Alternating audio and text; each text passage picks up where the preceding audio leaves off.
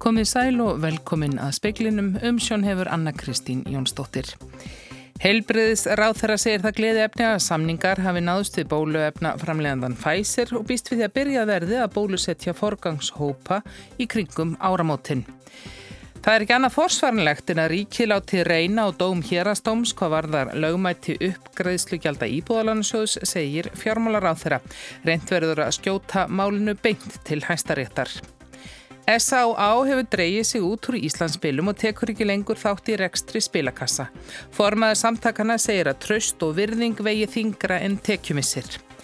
Aðvenda og jólahald verða viðsjárverði tímar, segir sótvarnalæknir og ekki ennhægt að segja til um hvenar farið verður af rauðu stíi á appilsingult. Og síðustu forviðin enn einn varandi útgöngu brettar Evropasambandinu eru á sunnudaginn. Svandís Svavarsdóttir helbriðisráð þeirra fagnar því að stjórnvöld hafi gengið frá samningi við bólefna framlegandan Pfizer. Ísland fær 170.000 skamta sem döga fyrir 85.000 manns. Mikilvægast sé að geta byrjað að bólusetja sem allra fyrst, segir Svandís.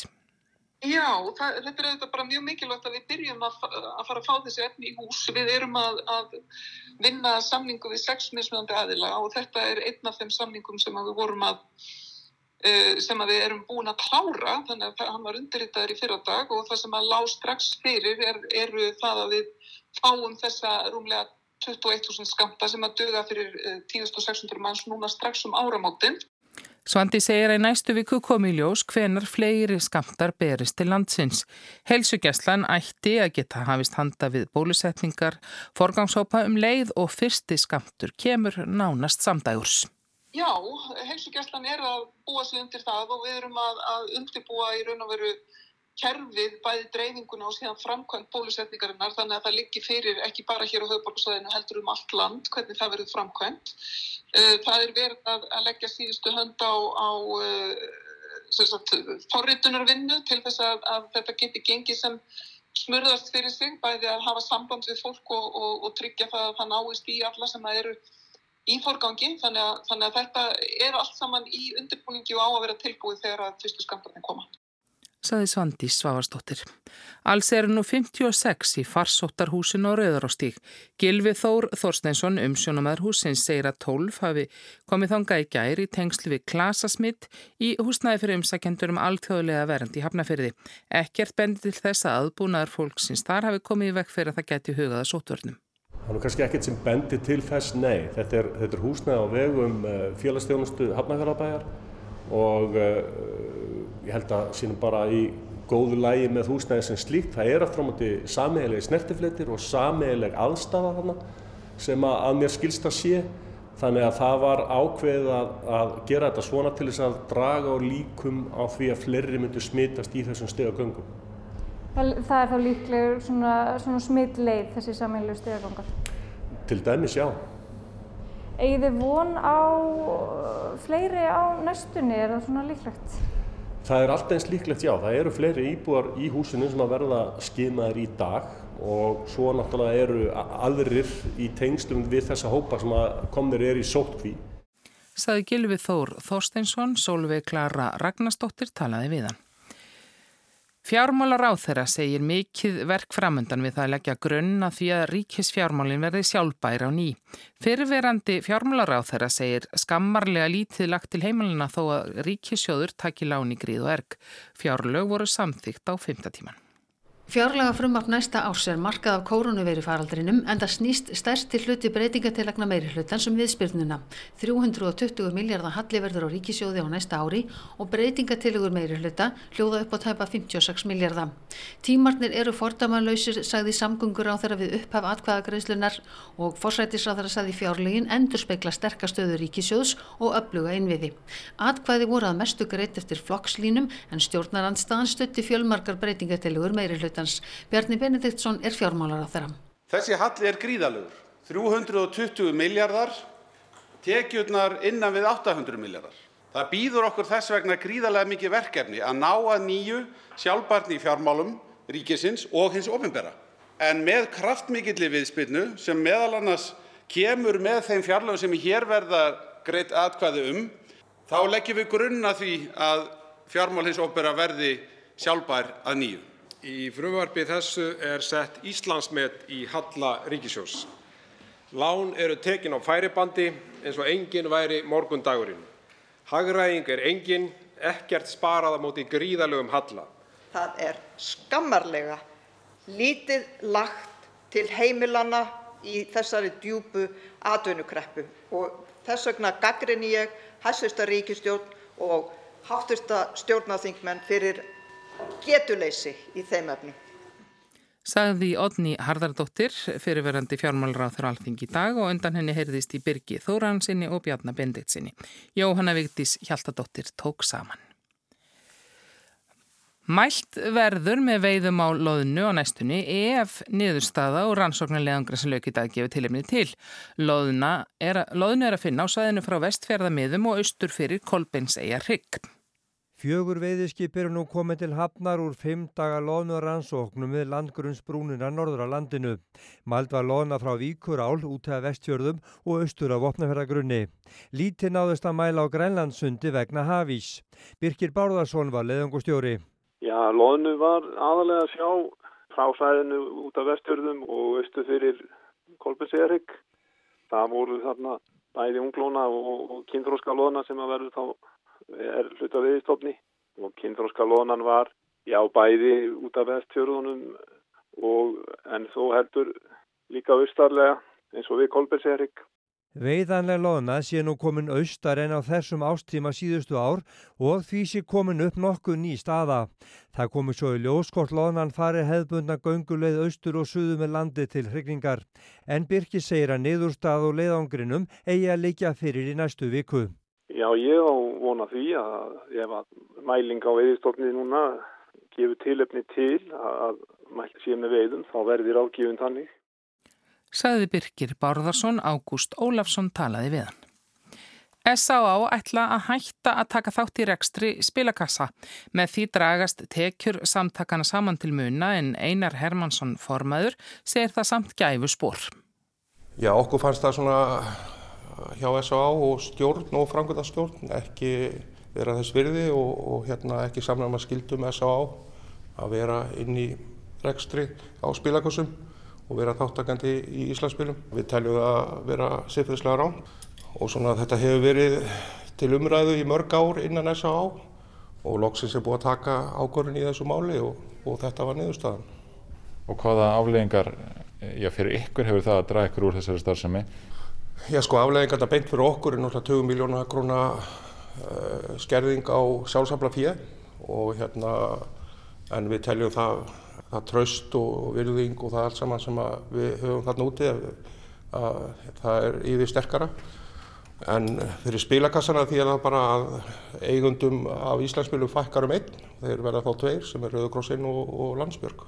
Nú vitum við að bróður parturinn af þessu tekjum er að koma frá veikum spilafíklum. Það er svona sá hópu sem er að stunda þessi spilakassa hvað mest og við sko spyrjum þessi samtök og vonum að þau velti því fyrir sér. Hvaða peninga vilja þau? Vilja þau bara alla peninga? Eða skiptir máli að þetta séu í alvörunni frjáls framlega?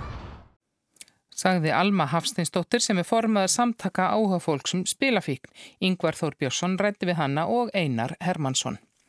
Bjarni Bendiktsson fjármálaráð þeirra segir mikilvægt bæði fyrir lántakendur og ríkisjóð að eigða sem fyrst þeirri óvissu sem ríkir um lögmætti uppgreðslugjald að íbúðalánasjóðs. Þess vegna hafi stjórnvöld ákveðið að reyna að skjóta málunu fram hjá landsrétti og beint til hæstaréttar. Héraðstómur komst að þeirri niðurstöði síðustu viku að ákvæði í lánasamningum íbúalánasjóðs sem uppgreðslugjald hefðu verið ólögmætt. Málið gæti haft fordami skildi fyrir 8.500 lántakendur sem voru með þetta ákvæði í sínum lánasamningi. Ríkið hefur ákveðið að áfrýja málinu. Fjármálar á þeirra upplýsti á alþingi í gær að ætluninu væri að fara fram hjá landsrétti og beint til hæstaréttar til að fá niðurstöð í máli sem fyrst. Já, við viljum reyna á þennan möguleika vegna þess að það eru svo margir sem eiga svo mikið undir í þessu máli. Við erum þeirra skoðunar að það sé ekki annað hægt en að skjóta málunni á efra dómstík og vonast til þess að það sé hægt að fá það tekið fyrir í hæstarétti án viðkomi landsrétti.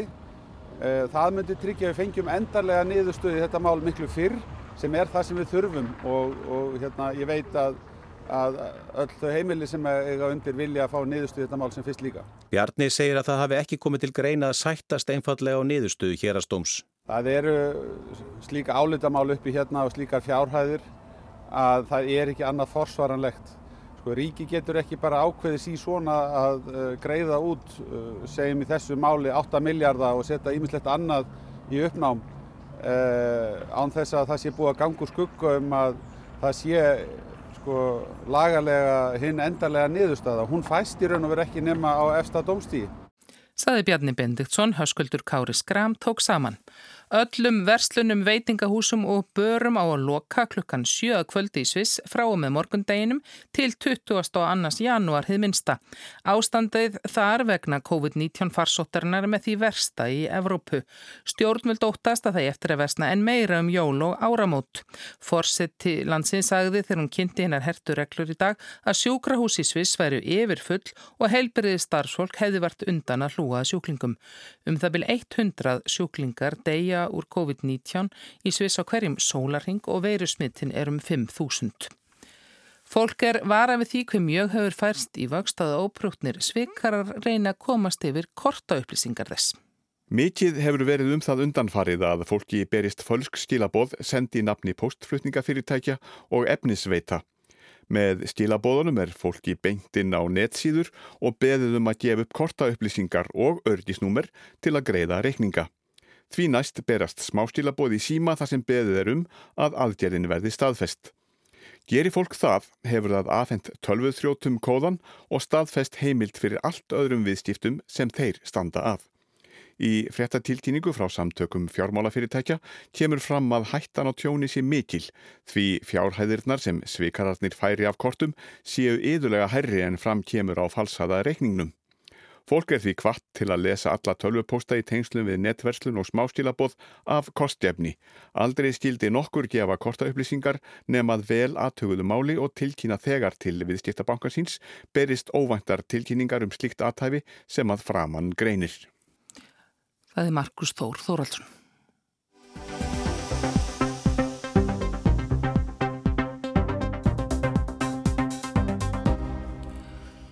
Fyrstu skamtar bólefnis Pfizer við COVID-19 gætu komið hinga fljótlega á nýju ári en búist við að Livjastofnun Evrópu veiti leifi fyrir efninu í senastalagi 29. desember og fyrstu skamtanir kæmu þá fljótlega.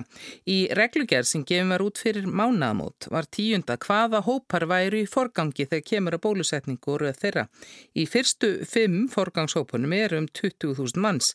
Það eru helbriði starfsmenn sem er ræði eftir í hvar þeir starfa og fólk sem er á hjúkrunar og dvalarheimilum og öldrunadeildum sjúkrása. Íslensk stjórnvöld hafa samið við fleiri framleðendur um kaup á bóluefni, bóluefni fyrir um 280.000 manns. Gert er ráð fyrir að Livjastofnun Evrópu ljúki umfjöldunum þau efni í janúar. Þórólfi Guðnarsson, sótvarnalegnir, segir að erfitt að segja í smáatriðum hvað fréttinnar sem bárust í dag af kaupum á bóluefni frá Pfizer þýða?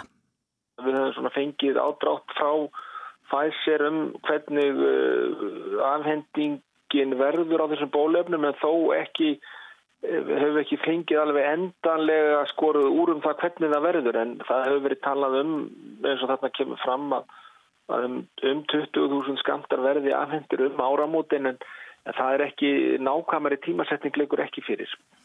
En það má búast við því bara um leið og þeir koma í húsi sem ætti segja þá verði byrjað að bólusetja? Já, ég ger fastlega von, vonum það, vonur um það, fyrir að það er mikill undirbúningur í gangi núna með helsugjastlinu og fjöldamörgum aðilum, þannig að við getum staðins vel aðeins eins og mögulegt er og, og hérna, þannig að við gerum áfyrir að verða búin með það núna fyrir áramótin, þannig að við ættum að geta byrjað byrja strax og við fáum bóluefnið. En ég hugsa að, að, að það sem verður takmarkandi þátturinn í þessu er bara hvað við fáum mikið bóluefni í einu. Og þá verða þeir fyrst bólusettir samt eins og framhefur komið áður með forgangsröðuna það verður byrjað á heilbriðistarsmun?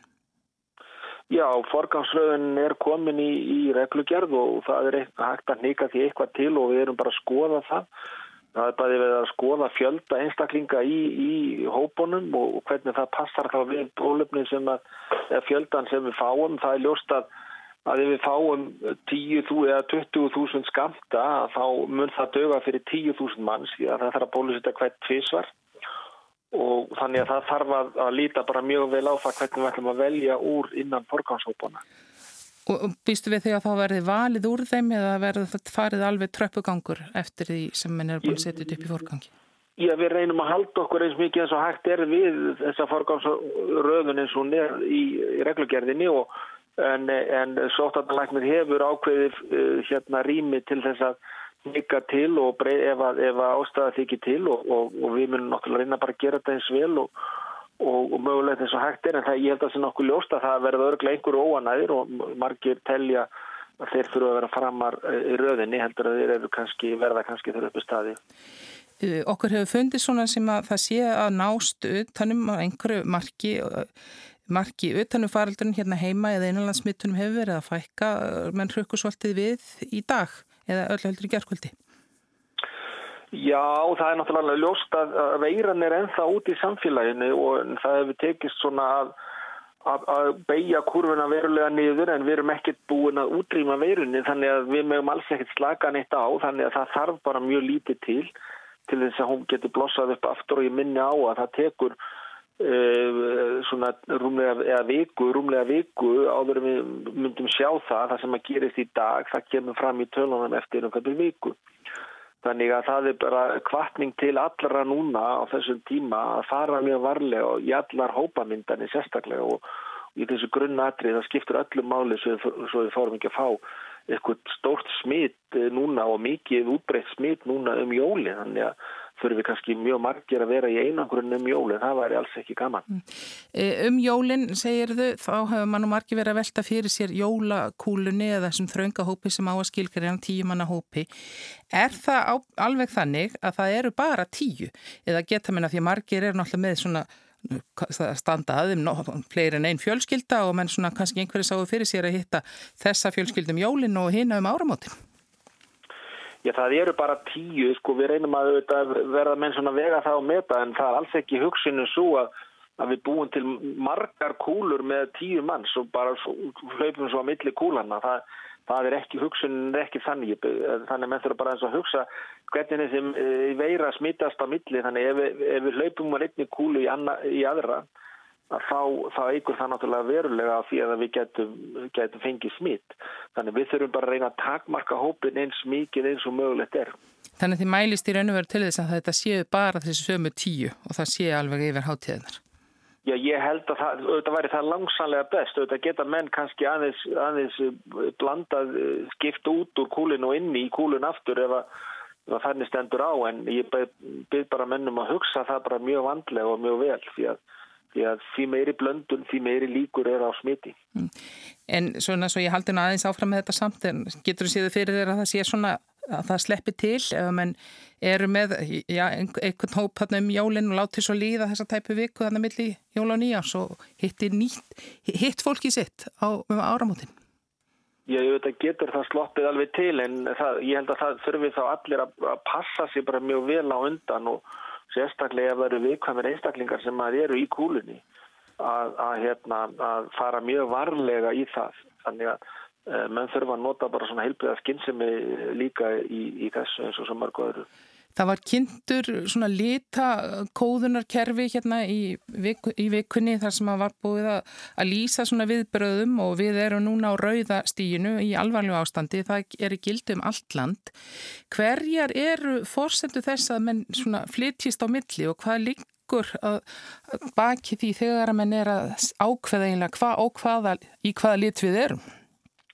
Já, þetta hefur valdið tölverð mik miklum hugarangri hjá mörgum og, og, og, og mis, mismunandi skilningur á þessu sem að er að koma fram á margar aðtúasendir og við vissum að það myndi gerast og við þurfum bara að skoða það og taka til til þess og þá að aðlaga þetta kerfi betur. Það er þannig að þessi, lit, þessi, lit, þessi litakóði og þetta litakerfi er ekki að lýsa ástandunni eins og það er, það er að segja fjölda nýsmita heldur er þetta að lýsa þeim aðgerðum sem ákveði hefur verið að eiga að vera í gangi.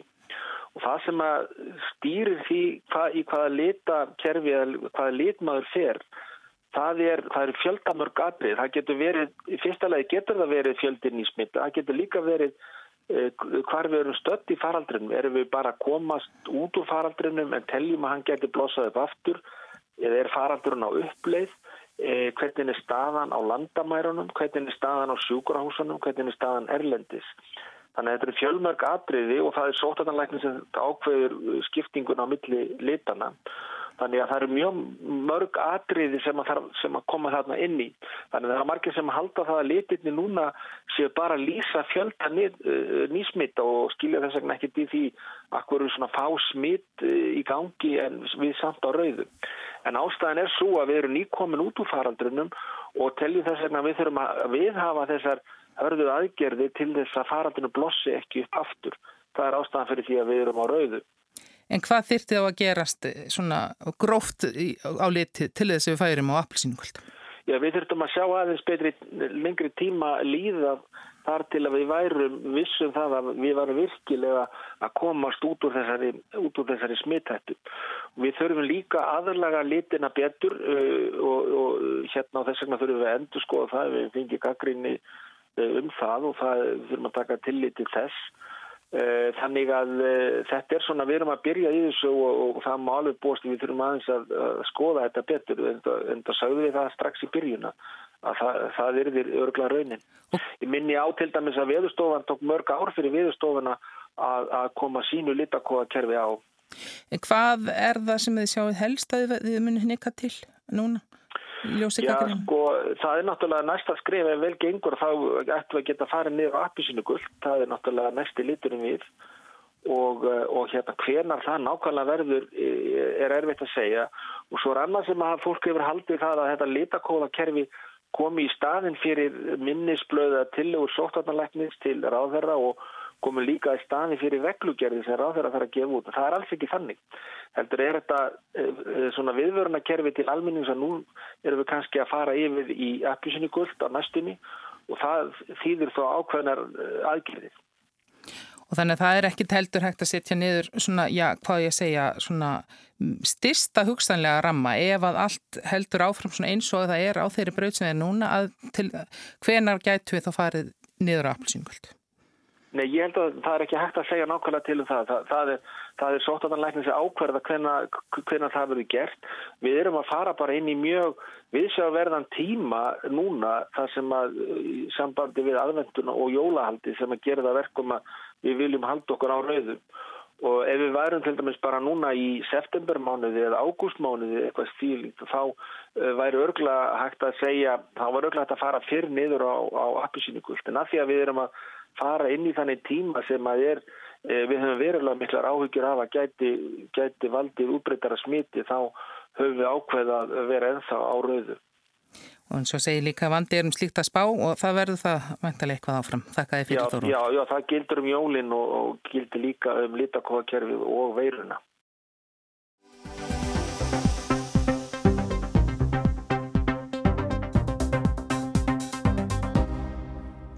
Það hefur sífelt teikst á síðustu Brexit forvöðunum. Í morgun sagði Ursula von der Leyen, fórseti framkvæmda stjórnar Evropasambandsins, að á sunnudaginn verði skorið úr um hvort fórsendur fríversluna samningsleiki fyrir. Boris Johnson, fórsetisráð þeirra breyta, segist tilbúin að leggja mikið á sig til að ná samningum en varar þó við því að það stefni í samningslausa útgöngu, Sigrún Davísdóttir tek við. Það var mikið gert úr því fréttum hversu tákgrænt það var að hafa fiskmeti í forrétt og aðalrétt þegar þið hittust á miðgutaskvöldið Úrsula von der Leyen, fórseti framkvæmda stjórnar Európusambandsins og Boris Johnson, fórsetsræðra breyta. Tákgrænt að því fiskur er eitt af þremur efnum sem allt strandar á í viðræðum ESB og breyta um fríverslunarsamning. Í viðbót við samkjæfnismál og hvernig ég að úrskurða í deilum um framkvæmt samningsins. En allt kom fyrir ekki. Fiskmetið leist ekki vandan en frestaði endalokunum enn og aftur. Nú fram á sunnudag. We will decide on Sunday whether we have the conditions for an agreement or not. Við munum ákveða á sunnudaginn hvort það líka fyrir forsendur samkómalags eða ekki, sagði von der Leyen á leðtúafundi ESB sem lauk í dag. Forsýður allra bresku bladana í dag eru að mestu undirlagðar undir orð Boris Johnson frá í gær. There's now a strong possibility, strong possibility that uh, we will have a, a solution that's much more like an Australian relationship with the EU than a Canadian relationship with the EU. That doesn't mean it's a, a bad thing. Það eru nú mikla líkur, já mikla líkur á að lausnin verði meira eins og ástralska sambandið við ESB en kanadíska sambandið og það þýðir ekki að það sé eitthvað slæmt, sagði fórsætsráðara. Malcolm Turnbull, fyrrum fórsætsráðara Ástralju, er á öðru máli. Ástralir skipta við ESB á fórsendum alþjóðaviðskiptastofnunarinnar og það er engin óska staða, sagði Turnbull í vikunni. You know, be careful what you wish for. I mean, Australia, Australia's uh, relationship with the EU is not one from a trade point of view that Britain, I think, would uh, want to, uh, would want, frankly. Farið varlega í óskirnar, sagði Turnbull. Í reynskilni sagt þá er viðskiptasamband Ástrala við ESB ekki það sem Bretland myndi kjósa. Og reyndar Ástralir ekki heldur, eins og Turnbull nýtti á eiga Ástralja og ESB í fríverstuna viðræðum sem að venju taka mörg ár. Svart síni um samningshorfur bergmálar nú allstaðar og þó einnig meðal ESB-leðtoga líkt og heyra mátti á Stefan Löfven, fórsætsáðra Svíþjóðar í gær. I'm a bit more gloomy today as far as I can hear. There's no progress. Ég er heldur svart sín í dag eftir því sem ég heyri, gengur ekkert, sagði brúnaþungur Löfven í Bryssel. Johnson fórsætsráðra hefur ekki komið að samningaviðræðanum fyrir að nú allra síðast þegar hann rætti við von der Leyen um helgina og fundaði svo með henn í Bryssel. Það hefur svo frjast að á mánudaginn þegar fundur við von der Leyen lág fyrir hafi Johnson óskað eftir fundi við bæði Emmanuel Macron, Fraklandsforsetta og Angelu Merkel, Þýskalandskanslara. En þau voru samtaka um að hafna beðninni. Samningunum er stýrt í Bryssel. Þessi viðleitnin Johnsons endur speiklar þá lífsegu trú eða öllu heldur von hér í Breitlandi að ESB yrði ósamtaka. Löndin 27 gæti ekki haldið einingu og það væri þá lag fyrir breyta, en nei, ESB samhældnin blífur. Helstu rauk breyta fyrir að hafna fyrirlíkjandi samningum er að í þeim sé staða þeirra sem frjáls og fullvalda ríkis ekki virt.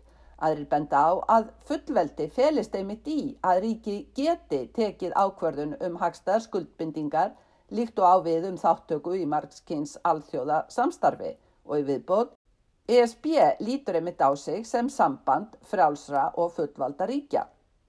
Þetta hljómaði einnig í orðum Leyen í morgun þegar hún fór yfir stöðu mála. Lausnin sem liggur fyrir í samkeppnismálum er að Bretland væri frjálst, mætti segja fullvalda til að velja sína leið, sagði von der Leyen með brósvott á vör. They would remain free, sovereign if you wish to decide what they want to do. Samningurinn er þarna, bara ekki eins og breska stjórnin vildi. Spurning hvort og hvenar Johnson ætlar að taka ákvörðun þarf að meta pólitíska og efnahagslega útkomu samnings og samningsleisis. Í ljósi þess að ekkert gengur að leysa síðustu samningshindranir er farið að gera þrautavara ráðstafanir ef ekki semst.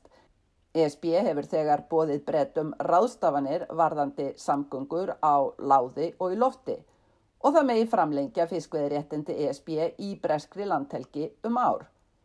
Síðustu Brexit-forföð hafa komið og farið eins og dagarnir á dagatalinu, spurning hvort þetta að sá Eva um að semjist sé allt leikræn upptaktur bresku stjórnarinnar að afreikinu að semja og hvort sunnudagurinn verði dagurinn sem svarið fæst um samning eða ekki. Þá koma veðurhorfum, það verður stíf, austan og norðaustan átti og myllt í veðri, vætu samt suðaustanlands og austferðum en annars úrkomu minna. Og fleira er ekki í speklinum í kvöld, tæknumæður í útsendingu var Ragnar Gunnarsson, veriði sæl.